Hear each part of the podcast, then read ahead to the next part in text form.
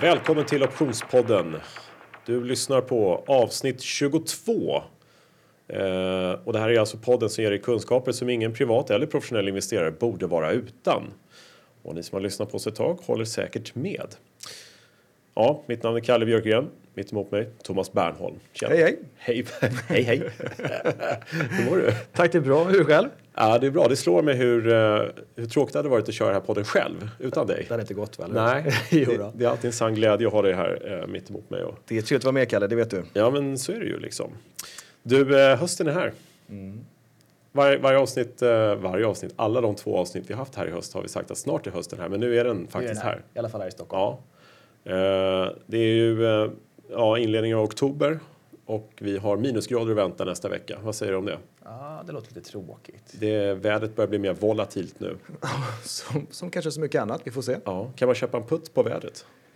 Ja, liksom... hellre en kol skulle jag säga i så fall. Aha, Lite solsken. Ja, ja, men just det. Ja, men så ska man se på det. Mm. Vi, vi köper upp, uppåtgående just väder. Det, precis. Ja. Mer soltimmar och mer, eller fler grader. Ja, men precis. Men du, dagens avsnitt, det... Ja, vi ska ju ägna oss åt eh, börsen, inte vädret. Uh, till att börja med, mycket fin feedback in till podden. Uh, som alltid, och det blir mer och mer. Jättekul. Många bra uh, frågor.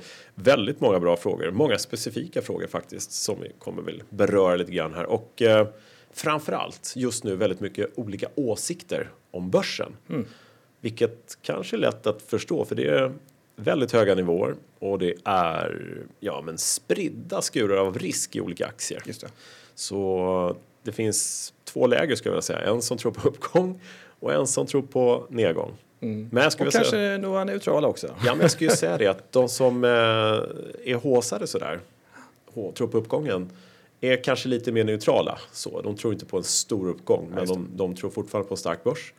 Medan eh, det andra gänget så att säga tror på en bra mycket mer mm. volatil framtid. De ser höstmolnen på himlen. Ja, och därför har vi ju världens bästa podd som pratar om börsen.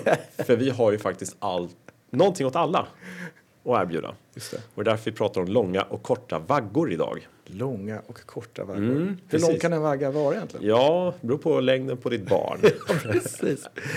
ja. Mm, nej, det här är i världen köpta och sålda vaggor. Och det säger sig självt kanske att det finns ju uh, ja, både en uppåtgående, nedåtgående eller stillastående strategi med det här faktiskt. Just det. Och det är det som är så fint med våra instrument. Och sen om vi går in på löptider så kan man såklart prata om långa och korta vaggor då också, eller Precis, Exakt, faktiskt, exakt ja. så är det ju. Man kan vara kort och... eller lång en vagga och man kan vara kort en kort vagga. Just det. Där, ja.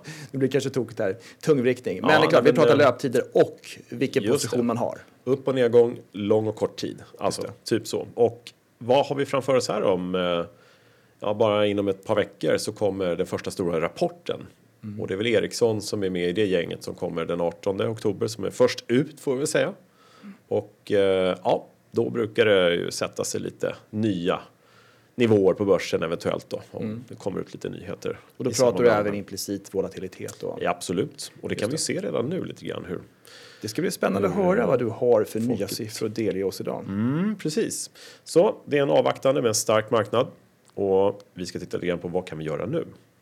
Så att eh, Eh, en och samma strategi här, huvudsakligen idag, i två lägen för en såväl stillastående eller ja, fortsatt svagt stigande börs i alla fall, som en mer liksom rörlig rapportbörs, mm. ska jag kalla för det. Så då syftar du på en volatilitet, volatilitetsförändring, mm. implicit volatilitetsförändring? En implicit volatilitetsförändringar, precis som vi kan utnyttja. Men du, vad säger du, ska vi kolla lite läget på börsen i all enkelhet? Ja, vad ja. har hänt på sistone? Ja, vi kollar. Ja, men läget på börsen i all enkelhet som vi säger. Eh, aktiemarknaden är fortsatt stark, det är höga nivåer. I USA har vi sett eh, all time high igen, vilket ju är, ja, det är en styrka om någonting såklart. Eh, tittar vi på omvärlden och lite faktorer så har vi fortfarande framför oss valet i USA. Det kan påverka en hel del. 8 november är väl det va? Och bland andra detaljer kan vi faktiskt notera att räntan i USA, tioåringen den kallade. Just det. Som många följer blint för att se indikation på börsrörelser. Den har gått markant över 3% Så att eh, det kan ju vara en indikation om någonting för den som tittar på det. Oljan stiger allt högre. Just det. Och rent historiskt i alla fall så har oljan varit väldigt påverkad av börsen. Så att det kan ju ligga och puttra någonting där kan man ju tycka. Eh, så att eh, fortsatt starkt. Men som vi ser på det ju, alltid lägen för att göra bra affärer på börsen. Mm. Och vi tittar ju då på volatilitetsnivåer. Va? Och tittar vi på den implicita volatiliteten i form av VIX-index, den gillar ju vi, eller hur? Den är ju bra. Så är det ju inga stora rörelser på de senaste två veckorna överhuvudtaget. Förra veckan, kommer du ihåg vad vi hade då för nivå ungefär? 12,58 eller 12,68. ja, ja. Okay. Mm. Och eh, det har inte rört sig överhuvudtaget. Nej. Nej. 12,44. Och du har uppdaterat ditt ark. Ja, det här är uppdaterat per ja, sekund. Ja, men ganska stilla där. Ja, nej, så att eh, risken på det sättet ligger just nu i en fas där allting är väldigt stilla, det är väldigt avvaktande det är rapportperioder och det är val och det, ja, men då blir det lite så här. Det är väldigt mycket vakuum. Eh, väldigt avvaktande. Och eh, tittar vi då på vår systergraf som vi brukar kalla för, i SKEW. Vilket då indikerar lite mer oron i marknaden. Hur mycket är liksom, intresset av att köpa nedsidesskydd, nedsidesputtar mm. på S&P 500. Hur de är värderade helt enkelt. Ja, och eh, vi har pratat tidigare om att det här har varit en uppåtgående trend på det här indexet. En normal nivå är vid 120 och den nivån såg vi någon gång i, ja, vid påskas. Eh, när ja, den kom ner ifrån lite högre nivåer så låg det mm. där nere. Sen dess har det tränat uppåt mot väldigt höga nivåer på SKEW-index. På, alltså en skevhet i optionsvärdering vilket betyder att det är väldigt stark omsättning på nedsidan på S&P indexet. Och det här indexet steg upp då till över 155 intradag och stannade och printade tror jag på ja, 152 någonstans där var mm. förra veckan. Mm. Men nu har det här faktiskt halkat ner. Till och med SKEW-index börjar lugna ner sig och eh, det börjar bli billigare på nedsidan om man får uttrycka det på det sättet. Eh, det här är ju relativa termer då mot calls och puts på nedsidan. Men nu har vi en nivå på 136. Så där. Så det är ganska markant. Eh, ja, det måste jag säga Eh, ja, resa neråt mm. på sista veckorna här. Så intressant läge. VIX-index, risken i våra optionspapper, implicit volatilitet, at the money, är mer eller mindre helt oförändrad. Fortsatt väldigt låg risknivå. Men oron har stagnerat lite grann. Just det. det är lite mindre intresse för säljoptioner helt enkelt en bit ner. Ja, och då ska man säga att det omsätts ju där nere. Det är inte så att det bara avtagit utan det omsätts och eh, det betyder att prisnivån relativt mot att money på nedsidan är mycket alltså, mindre skev, eh, mindre dyr. Mm. Och det betyder att det, ja, det är inte samma stora behov av att köpa skydd på nedsidan om man nu kan liksom, prata i de termerna. Men det är en god indikation på att eh, ja, man är nöjd över en stark marknad. Sen ja, kan man ju som alltid eh, klura om om det verkligen det. är så stabilt eller inte. Nej, men sen märker vi, det kan ju slå ganska fort också. Nu var två veckor sedan du sa att nivån låg på en bit över 150. Mm. Och nu rasar ner till 136 sa du. Ja, just det. Mm. Så, så, det är ett ganska äh, stort mm. på kort tid. Så om man inte tittar på SKEW-index så tycker jag att det är något man bör lägga till som en liten krydda till sin analys om man eh, är intresserad av att följa börsen lite mer dagligdags så att säga. Mm. Eh, där har vi goda indikationer på vad som händer. Vi ska också nämna för de som är intresserade, det kommit en del frågor. Vad är det för fler eh, indikationer man kan kolla på?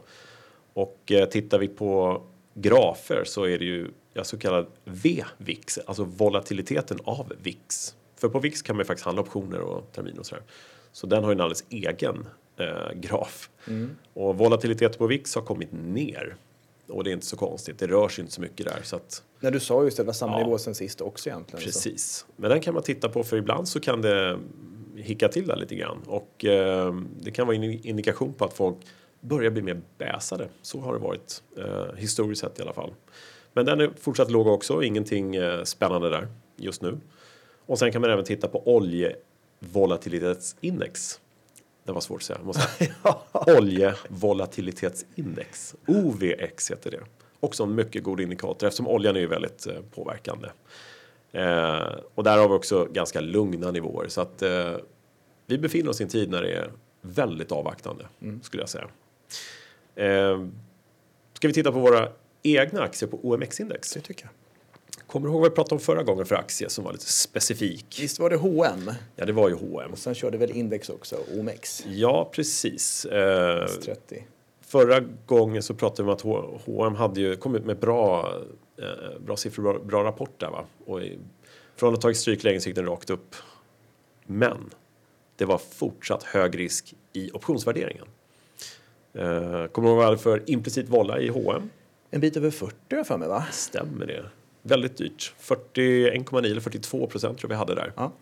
Eh, och det var trots en uppåtgående aktiekurs då. Indikerar kanske att det finns de som tror på hög risk i Hennes Mauritz fortfarande. Eh, men nu, vad har hänt i Hennes Mauritz? Jo, efter ett par veckors handel, eh, fortsatt samma, ska vi säga, starka nivåer i Hennes Mauritz, så har vi en implicit volatilitet som har drastiskt sjunkit ner under 30 procent.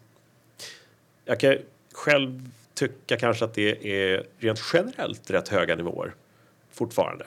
Men samtidigt så i Hennes Mauritz termer just nu så är det ju betydligt lägre risk som folk ser i och med de här nya siffrorna och så.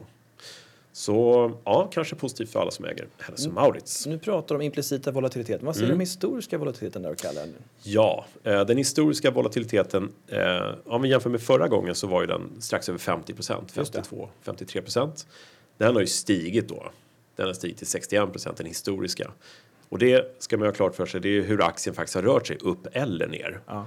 Så det är ju faktiskt eh, inga ska säga, känslor med i den siffran. Vi har inga spekulationsgrader i det som har varit, utan det är ren fakta. Men, men det här är ganska intressant att Mm. den historiska volatiliteten är ganska hög. Den implicita volatiliteten har kommit ner. Ja, Det är ett ganska ovanligt mönster man ska se. Det brukar ofta Mm. vara så att implicita volan är högre än den historiska, eller hur? Ja, inte nödvändigtvis skulle jag inte säga. Det beror ju lite grann på. Jag ska säga att de är närmare varandra. De bruk, det brukar inte vara så bred spread däremellan. Så det är ju helt riktigt. Eh, Så som vi ser just nu så har vi en vad sa vi, historisk volatilitet i Hennes Mauritz på 61 procent. Och det indikerar helt enkelt hur mycket Hennes Mauritz har rört sig upp eller ner sista perioden. Exakt. Och med den här uppgången vi hade så är det ju en kraftig rörelse. Väldigt kraftig rörelse. Men i den implicita volatiliteten som liksom värderar eh, framtiden, ska vi, alltså 30 dagar framåt i de optionskontrakt som vi mäter, mäter i, så har vi ju betydligt lägre risk än så. Så att säga. Så att det är ju 30 procent som eh, marknaden anser då komma skall kommande 30 dagar. Man tror helt enkelt inte att den här uppgången eller en sådan rörelse ska komma igen nu då, 30 dagar framöver. Men 30 procent implicit vad vi tror om risken ändå rätt högt faktiskt. Och här brukar du tala om något som kallas för edge. Det har tagit, tagit upp tidigare Ja, också. precis. Och här har man en negativ edge, man får säga så. Det får vi lugnt säga. Ja. Men som sagt, då måste man ju räkna in eh, den ganska unika rörelsen som vi hade i Hennes Mauritz här. Just det. När det gick upp väldigt kraftigt efter rapporten. Där. Så det får man ta med i sin beräkning. Men generellt brukar man ha lite mer positiv edge eh, i de flesta fall. Så brukar det vara. Precis. Så brukar det vara. Rent generellt, absolut. Exakt. Eh, så vi kan ju titta på index till exempel. Ja. Som styr hela index, eller börsen. Och där hade vi ju eh, sist en historisk volatilitet 30 dagar tillbaka på 10 procent. Mm. 9,9 eller vad det var. Och den är identisk idag. Det har inte rört sig. Det är precis som på VIX-index. Så är samma sak på OMX-index. Det har inte rört sig någonting egentligen. Men implicita volatiliteten då? Mm, den har rört sig lite grann om man säger som så. Den har gått från, ska vi säga, hade vi, 15 för Ja, fyra veckor sedan. Sen gick den ner 16, till, eh, ja, sen gick den ner eh, lite grann, men nu har den fallit ner mot 13. Så att eh, vi har fortsatt låg risk. Men som du ser där är edgen lite positiv. Mm. Vi tror på mer risk kommande tid, eh, 30 dagar framåt. Men inte så att det är något enastående. Det är inte så att vi har värderat upp risken i marknaden stort utan som sagt, summa summarum, det är ett vakuum på börsen. Det är avvaktande, det är läge för antingen eh, ja, men stillastående strategi helt enkelt eller för de som är lite mer negativa. Det brukar man bli när det är såna här all time high nivåer. Att satsa på en nedåtgående trend. Så det är kanske är det vi ska kolla på. Vad tror du om det helt Det enkelt? Ja, men då kör vi. Kollar vi det.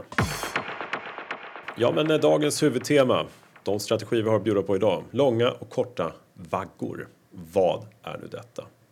Till att börja med kan jag ju säga att om man är osäker på vad det här är och vill veta grunden till dessa, då går man tillbaka till avsnitt nummer Eh, sex va? Bra.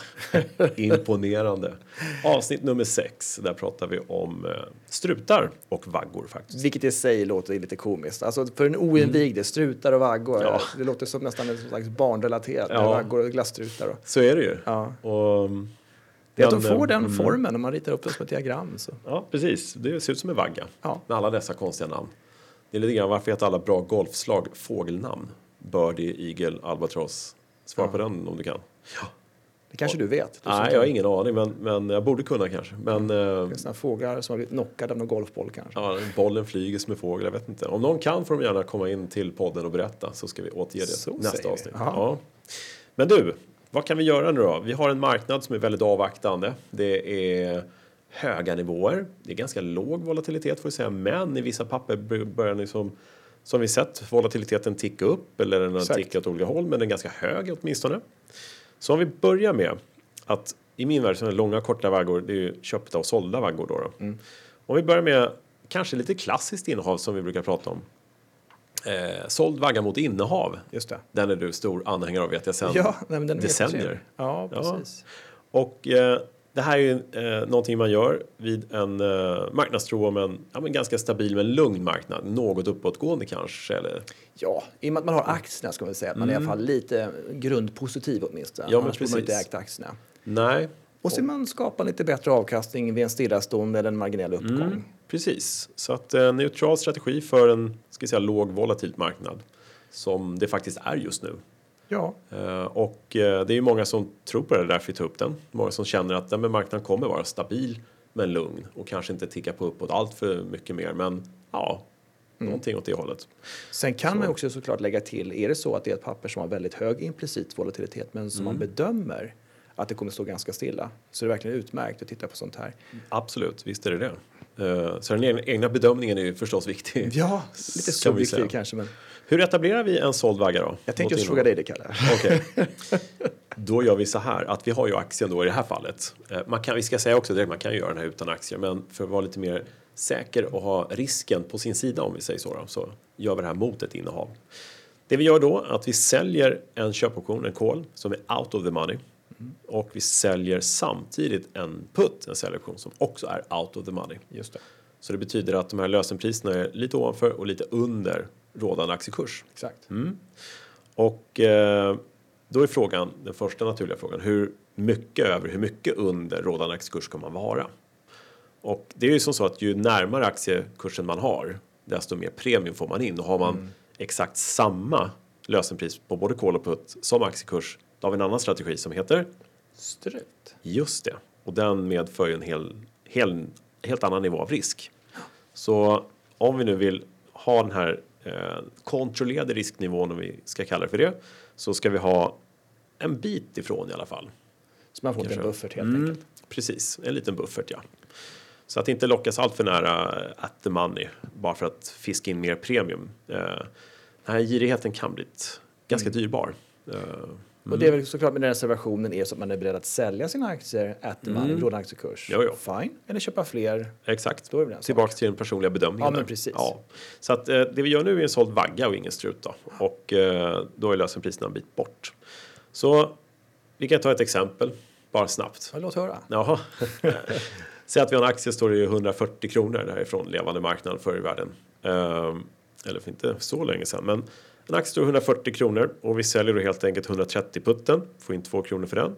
Och vi säljer samtidigt 150 kolen, får in 3 kronor för den. Och det här är två månaders optioner, 60 dagar. Ehm, vi får alltså in 5 kronor eller 500 reella kronor och ören då. Och vad innebär då det här? Ja, om aktien verkligen rör på sig. Nu vill vi att det ska röra sig innanför det här spannet. Den står 140, vi vill att den ska röra sig mellan 130 och 150. Då får vi behålla premien Just det. och är lyckliga och glada. Och helst lite uppåt då förstås. Ja, om någonting, absolut. Men om det även eh, liksom vill sig illa och det slutar under 130 på slutdagen här. Ja, ja, då kommer vi få köpa fler aktier för netto 125 kronor.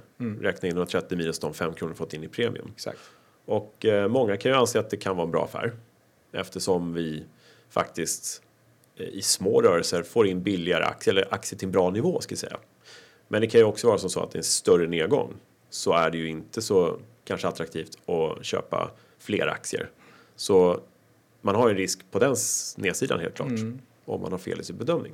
Så är det. Och uppsidan har vi då alternativkostnaden vi pratade om tidigare. Att det kanske går upp jättemycket, då får man inte med på resan uppåt. Nej, Men i båda fallen om det går lite för mycket åt andra hållet så måste man tänka på att det finns en möjlighet att rulla optionerna också så att man inte är tvärlåst. Man kan skjuta position. fram sin position. Ja. Precis. Precis. För att om det går över 150 kronor som du just sa, ja då får vi sälja våra aktier där. Och jag menar det är, i det här fallet då, om vi har aktien på 140, vi säljer aktierna för 150 plus våra 5 kronor, Mm. ja men då har vi över 10 procent i, i avkastning på två månader. Det är ju ändå inte så att man behöver börja gråta allt för mycket. Nej. Men kommer en rejäl uppkick i den här aktien, ja men då får vi inte vara med på den resan. Vilket är det vi kallar för alternativkostnad. Just om man ska vara lite tydlig. Så att eh, håller sig aktien mellan 130 och 150 då får vi behålla våra 500 kronor. Och då kan vi ju då, idén med strategin, göra om det en gång till. Just det. Det är ett kontrakt där, 500 kronor. Exakt, ja, ett kontrakt räknar på det. Precis. Och då har vi ju, om vi gör det här i två månaders intervaller och säger att vi gör det fyra gånger per år, vilket är en strategi som investerare hållit sig till, ja då har vi ju en eh, avkastning på 14 procent lite drygt på ett år i en aktie som inte rör på sig överhuvudtaget. Det är Och- jätte, jättebra. ja, det är ju faktiskt ganska Ja. attraktivt och vi har ju en hel del papper på index som faktiskt beter sig på det här sättet och har gjort det under senare år. Att de rör sig inte så himla mycket. Ehm, och det kan finnas en anledning att kanske leta efter sådana kontrakt då. Så i all enkelhet, här har vi en idé av en strategi för den biten av marknaden som tror på fortsatt stark marknad, kanske inte allt för uppåtgående, men ändå en, en bra förutsättning om man inte nu tror på att det ska gå ner allt för kraftigt. Man säljer en vagga, Mm. men en kort en vagga helt enkelt mot aktieinnehav i det här fallet. Ja, precis.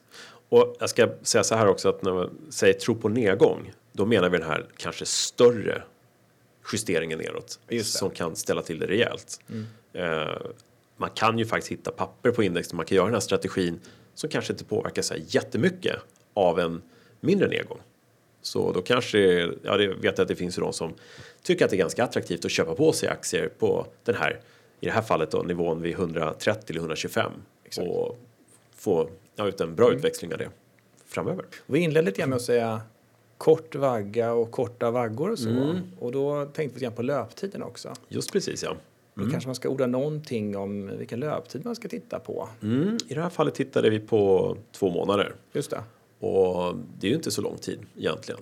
Och visst kan man kolla på längre tid. Men vad innebär det då? Vad har vi för eh, ska säga, förutsättningar om vi tittar på sex månader till exempel? Mm. För det skiljer sig lite grann där. Ja, men det gör ju det. Och på gott och ont får man Ja, säga såklart. Precis, men det är bra medveten om det. Mm. Att eh, tidsvärdet försvinner lite kvickare ur Mm. de som har kortare löptid. Just det. Medan eh, den implicita volatiliteten påverkar de med längre löptid Mm. i större omfattning. Så det kanske är så att om man tror på en verkligen sjunkande implicit volatilitet då kanske man ska kika på lite längre löptider. Mm, just det. Men är det verkligen så att man kör ett tidsvärde späck om man säger så, Mm. tidsvärdet ska liksom försvinna ur och till, sin- till sin fördel, Mm. så kikar man kanske på lite kortare löptid. Ja, så kan det vara. Eh, och med lång löptid ska, då får man mer premium i kronor och ören också. Ja, precis. Vilket Men dina skyldigheter i det här fallet finns ju kvar mycket längre. Jo, så är det. längre tid. Och det ska man såklart väga också. Det kan ju vara lättare kanske att ha en uppfattning i det korta perspektivet. Inte, Ja. nödvä- inte nödvändigtvis, men liksom lite så att man känner att ja, men det här det vågar jag göra och på en månad eller två så tror jag inte Ja, att det kommer röra sig precis. så mycket. Men bedömningen har vi tillbaka där igen. Det behöver inte vara fel alls Nej, nej. att titta på sex månaders option eller kanske ännu längre om man vill det. Mm. Och eh, det här med om man kanske vill ha lite högre volatilitet. Just nu så är det ganska lågt på börsen, men som vi har sett då i vissa enskilda aktier Mm. så är det ju rätt så bra betalt för premie. Ja, verkligen. Eh, verkligen. Samtidigt som det kanske inte- index måste man Ja, säga. vad vet jag. Hennes och Maurits till exempel ligger på en stabil nivå, ingen aning. Eh, det finns säkert de som tror att den kanske ligger still här i kampen om den ska upp eller ner. Vem Ja. vet? Kan det vara bra att göra kanske ja, en månad i alla fall och testa. Just det. Så um, ja, det finns många möjligheter. Gör det. Mm. Och då kanske vi kommer in osökt på det här med att gå lång en vagga. Just det. Och då byter vi fot lite, eller hur? Det gör vi. Mm. Strategi nummer två för de som tror på en lite mer bitter marknad, om vi ska säga så, eller mer volatil marknad. Mm. Exakt. Kanske bättre uttryckt. Eh, och eh, köpa vaggan då istället för säljaren. Och det här är ju inte mot något innehav. Utan det här handlar om att köpa optionerna precis som vi pratade om tidigare fast vi köper istället för säljer. Och eh, vi har helt enkelt, ja, vi kräver ju att det ska röra på sig plötsligt då. Eh, tvärtom. Mm. Eh, och det här är ju då någonting man kan göra med fördel inför rapport som jag pratat om några gånger. Skrivit en del om på bloggen och eh, för att vi pratade om det också i avsnitt 6 om jag inte minns helt fel. Vilket minne du har. Ja, om jag inte minns fel. Precis. Ja, då har jag inte bra Det är ingen som synar dig här ändå, Kalle. Nej. Eh, nej, men vi, vi kan ju konstatera att köpa vaggor, det är faktiskt en väldigt bra strategi under rapportperioder som vi nu kommer in i alldeles strax. Ehm, och ja, det är om man önskar spekulera i eller ta del av ja, men de här eventuella effekterna av rörelse som finns i aktiekursen inför, under och faktiskt efter rapportdagen. För det är ju som så att marknaden spekulerar i vad som ska hända inför en rapport. Det gör ju vi alla. Det här avspeglar sig i optionskontraktens värden och liksom volatiliteten tenderar att gå upp lite grann. Risken ökar lite, för vem vet vad som kommer under rapporten, eller hur? Det kan komma lite vad som helst. Och eh, ja, sen så precis dagar innan, då är det ju som värst de här rörelserna. Eller dagen innan, eller några dagar innan. Och sen så kommer rapporten och då brukar det hända saker. Antingen så pustar vi ut för det var ingenting jättemärkvärdigt eller så blir vi jätterädda och aktien går ner eller så blir det positivt och ja, då är vi ju alla glada höll jag på att säga. Eh, Men, men då bör man alltså gå in i en sån här position en bit innan rapporter och andra händelser, eller hur? Ja, just i det här fallet så är det nyckeln, Ja. helt klart. Att gå in åtminstone ett par veckor innan, det skulle jag säga, typ nu. Eh, eller ja, nu, ett par veckor innan aktuell rapport. Eh, ska jag gå in i just den här typen av strategi. Vi köper alltså en call och samtidigt köper vi en put. Vilket är då lägre lösenpris än callen. Eh, och det här är då ja, men ett par till tre veckor innan rapportdagen. Ehm, och ja, tar anledning till den här strategin igen så är det ju spekulation och förväntan inför rapporten. Det kan få aktien att handlas upp eller ner i en trendliknande handel inför kommande rapportdag. Det är liksom orsaken. Ehm, och Så det, vi pratar om en uppvärdering av optionens eh, priser helt Precis. enkelt och vi pratar om en potentiell rörelse. Exakt. Det är de två grejerna som kanske triggar till ett sånt här eh, köp av en sån strategi. Ja, just det. Eh, och eftersom den här vaggan kräver en signifikant rörelse i den underliggande aktien så är det ju ja, men det är vad man oftast kan se. Åtminstone om vi ser det så är det oftast precis i eh, samband med kvartalsrapporten när den släpps så är rörelsen på aktier ja, men i snitt någonstans mellan 3 till 5 procent upp eller ner. Åtminstone inte osannolikt. Just det. Och då har vi ju eh, väldigt bra eh, förberedelse i den här strategin för den rörelsen. Och sen finns det såklart andra faktorer som kan påverka. Det, det gäller bara att det händer på marknaden, blir turbulent och det kan ju vara vad som helst egentligen. Ja, vi kan ju räkna till de här mer osannolika händelserna eh, de sista åren. Ericsson gillar jag att ta som exempel. Där brukar det hända lite saker. Eh, lite så turbulent eh, aktiehistoriskt. Eh, som en vinstvarning till exempel. Och det kan ju faktiskt oftast tillkännas, eh, ges innan en rapport. Och i, i samband med en rapport så kan det vara veckan innan, kan vara dagarna innan eller ett par veckor innan. Eftersom bolagen ser inte så bra ut om det kommer ut ett resultat de borde ha vinstvarnat för. Och om det nu finns något sånt att oroa sig för, ja men då är det vanligtvis ett par veckor innan man bör vara etablerad i den här positionen. För då tar man del av det helt enkelt. Eh, ja, Men eh, lite om vad man ska tänka på här då kanske också. Det är väl grann det att eh, visst, man köper då den här strategin kanske några veckor innan en förväntad rörelse eller ett uppställ implicit volatilitet och då ska man bara ha lite koll på tetat, det vill säga tidsvärdet.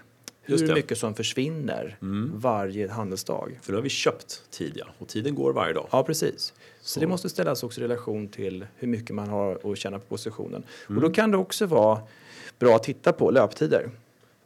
Absolut. Och, och då, då kan det vara lite bättre att köpa en eh, längre löptid, eller Mm. längre löptider. I och med att det är Ja, just det. Vi tog ju faktiskt fram eh, ett litet exempel här.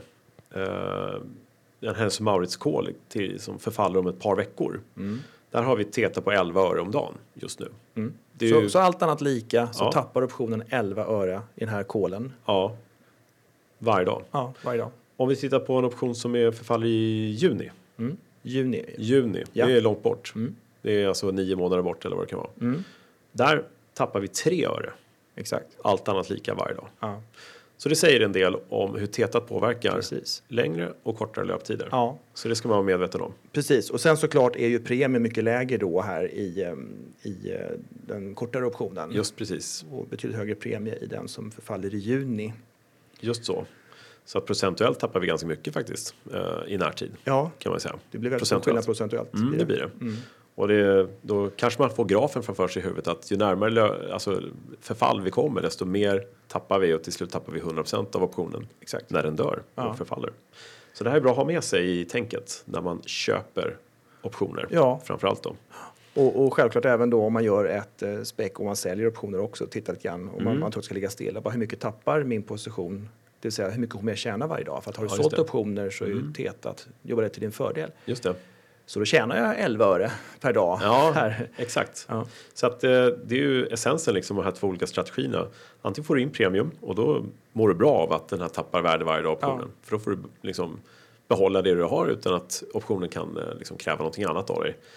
I det här fallet så ska vi säga så att det jobbar emot dig, tiden jobbar emot dig men du kan aldrig förlora mer än den premie du har betalt. Nej, Så kan vi ju säga. just det. Så i det här fallet om du betalar 5 kronor, ska jag säga för en vagga, då är det max vad du kan förlora. Mm. Just det. Det är bra att påminna om. Med det sagt så att tror man bara på en liten rörelse eller en liten uppgång i implicita volatiliteten så bör man kanske tänka sig lite för. Ja, Om man nu skulle köpa en vagga menar. Exakt så. Det här handlar ju om att det ska bli en, eh, ja, men en viss volatilitet i aktien under tiden fram till rapporten och därefter. Gärna en explosion. Ja, gärna det. Precis. Stor Frisk- rörelse liksom. Friska rörelser. Ja, verkligen. Slutligen att tänka på den här ska jag bara säga också att den här strategin fungerar naturligtvis bäst på de aktier som historiskt sett har handlats med just en viss volatilitet och lite högre volym under rapportperioden. Och jag brukar ju nämna Ericsson, jag tror det är allmänt känt att den har ju historiskt sett i alla fall rört sig ganska mycket därför att varit ja, men den branschen. Medan eh, kanske skogsbolag inte rör sig så mycket eller ja, Jag, jag tror vi pratade om Telia förut till exempel. ja också, till också. exakt. Eh, det rör sig så här rör sig ganska lite. Ja, och eh, sist men inte minst så oavsett, för att avsluta det här temat för dagen, ha en god plan. Vad tycker du om det tipset? Eh, Förträffligt. ja, men alltså man ska bestämma sig för vilken vinstnivå man är nöjd med i den här eh, sista eh, köpta vaggan. För du vet ju inte om en rörelse kommer innan eller efter rapporten. Men om du nu är nöjd med en viss upp eller nedgång eller viss vinst ska säga. Så var beredd att gå ur i sådana fall. För att annars så kanske det där urholkas och volatiliteten går ner igen och du sitter och väntar på mer. Så ha en bra plan. Var, var du nöjd så att säga. Då brukar vi vara nöjda och glada. Och vara så glada som möjligt som optionshandlare. Ja du Thomas, varje gång så konstaterar jag att tiden går alldeles för fort när vi sitter och pratar med varandra. All good things must come to an end. Ja, tyvärr lite grann som så. Men vi ska avrunda eh, dagen med strategi. Det finns ju mycket mer man kan säga om strategier och om optioner som alltid. Ja, jag skulle nästan vilja belysa en sak Mm. här. Jag menar, nu har vi pratat om de här strategierna, eh, korta och långa vaggor och så. Ja. Men om man tar en enskild, till exempel en säljoption. Med dess hjälp kan du gå kort marknaden. Just det. Du kan även gå lång marknaden, Mm. eller? Om du utfärdar den. Du kan spekulera i en förändring i- implicit volatilitet. Det kan du göra. Ja, du kan tjäna pengar, även förlora pengar, men du kan tjäna pengar på tetat också, tidsvärde. Liksom, Med hävstångseffekt också. Ja, så att, med ett instrument kan du gå lång och kort. Du kan spekulera i volatilitet och du kan tjäna pengar på tid. Just det. Och samma sak gäller såklart kolen. Du kan gå lång och kort med den också i marknaden. Ja, Samma sak med tiden och volatiliteten där. Så. ja det, det, det möjligheterna. ger så många möjligheter. Så att man behöver inte fastna i en strategi. Men jag kan verkligen tänka hur kan jag utveckla det här Mm. till så att jag skapar en strategi som jag vill ha. Liksom. Just det. Och när vi börjar, det är bara att tänka sig allt det du säger, både med en enkel putt, med en enkel call, eller när vi börjar kombinera dem med varandra, Mm. som vi nu har gjort idag, på ett sätt. Det finns ju oändliga möjligheter. Ja. Alltså att det är väldigt spännande. Så att, Mm. eh, jag ska påminna också om att avsnitt nummer sex var det va? Om man nu vill lyssna mer om Ja, vaggor precis. och struttar Just så kan man gå tillbaks dit om det har varit, varit lite rörigt idag. Ja. Och Så. där handlar ju lite grann om, eller lite grann, handlar såklart mycket om kunskap. Mm. Jag är nyfiken på ditt Just ordspråk. det. Har du någonting som anspelar på det? Ja men självklart har jag ett ordspråk som idag, visste du det eller? Eller vad chansar du? Det anspelar faktiskt på lite kunskap. Jag råkar snegla lite grann här. Jaha. Men då läser vi det, dagens visdomsord. Det låter så här. Forgive yourself for not knowing what you didn't know before you learned it. Och det tycker jag är en okänd författare, men eh, väldigt bra. Man kan ju inte liksom eh, gå och gråta över spilld mjölk, eller vad ska man säga? Så säger man kanske inte, men eh, vara missnöjd över att man inte visste det man visste nu, innan. Nej, nej, visst. Gläds åt den nya kunskapen. Ja, så att, Och använd den. Och var glad att du lyssnat på det här avsnittet. För då har du ju faktiskt utökat dina kunskaper ytterligare. Vi pratar aldrig åt egen sak. Jaha, eh, hade du någonting på lager då? Eh, du brukar alltid ha något litet eh, klokt ord också. Ja, jag tänkte på en sak då kanske. Mm. Låt höra. Mm. The smarter you get, the less you Mm. speak. Thomas? Hallå? ja, eh, kanske finns en annan till att det är just jag som hörs mest här idag då. Eh, så är det. Efter läst det här försöker jag vara tyst känner jag. Ja. eh, ja, men mycket klokt. Försöka. Vad sa du? The smarter... The smarter you get, the less you speak. Ja, jag bara pratar hela tiden. Mm. Men du, eh, Vi får tacka för idag. vi får göra det. Eh, tiden går iväg här. Stort tack för ytterligare ett avsnitt och vi kommer tillbaka. Eh, fortsätt att skicka in frågor till Optionspodden på optionspodden.se eller optionsbloggen.se. Ge feedback gärna vad ni vill höra mer av eller mindre av för all del. eh, och eh, av mig kanske, jag bara pratar. Och eh, ja, Twitter finns jag på att cbjörkegren. Jag finns också på Facebook eller Enspiri Ac- Academy. Finns på Facebook numera. Det är bara att gå in dit. Det kommer massa godbitar, erbjudanden och eh, inbjudningar och allt möjligt på alla de här olika kanalerna. Så att, eh, är du intresserad av att lära dig mer om investering, framförallt med optioner och terminer, så bara hoppa in där. Så håll utkik efter nästa avsnitt för nya härliga fina kunskaper om handel på börsen. Hörs vi snart igen. Det gör vi. Ha det Tack. riktigt bra. Så, Tack så. ja, Tack för idag. Ha det gott. Tack, hej. Bye, bye.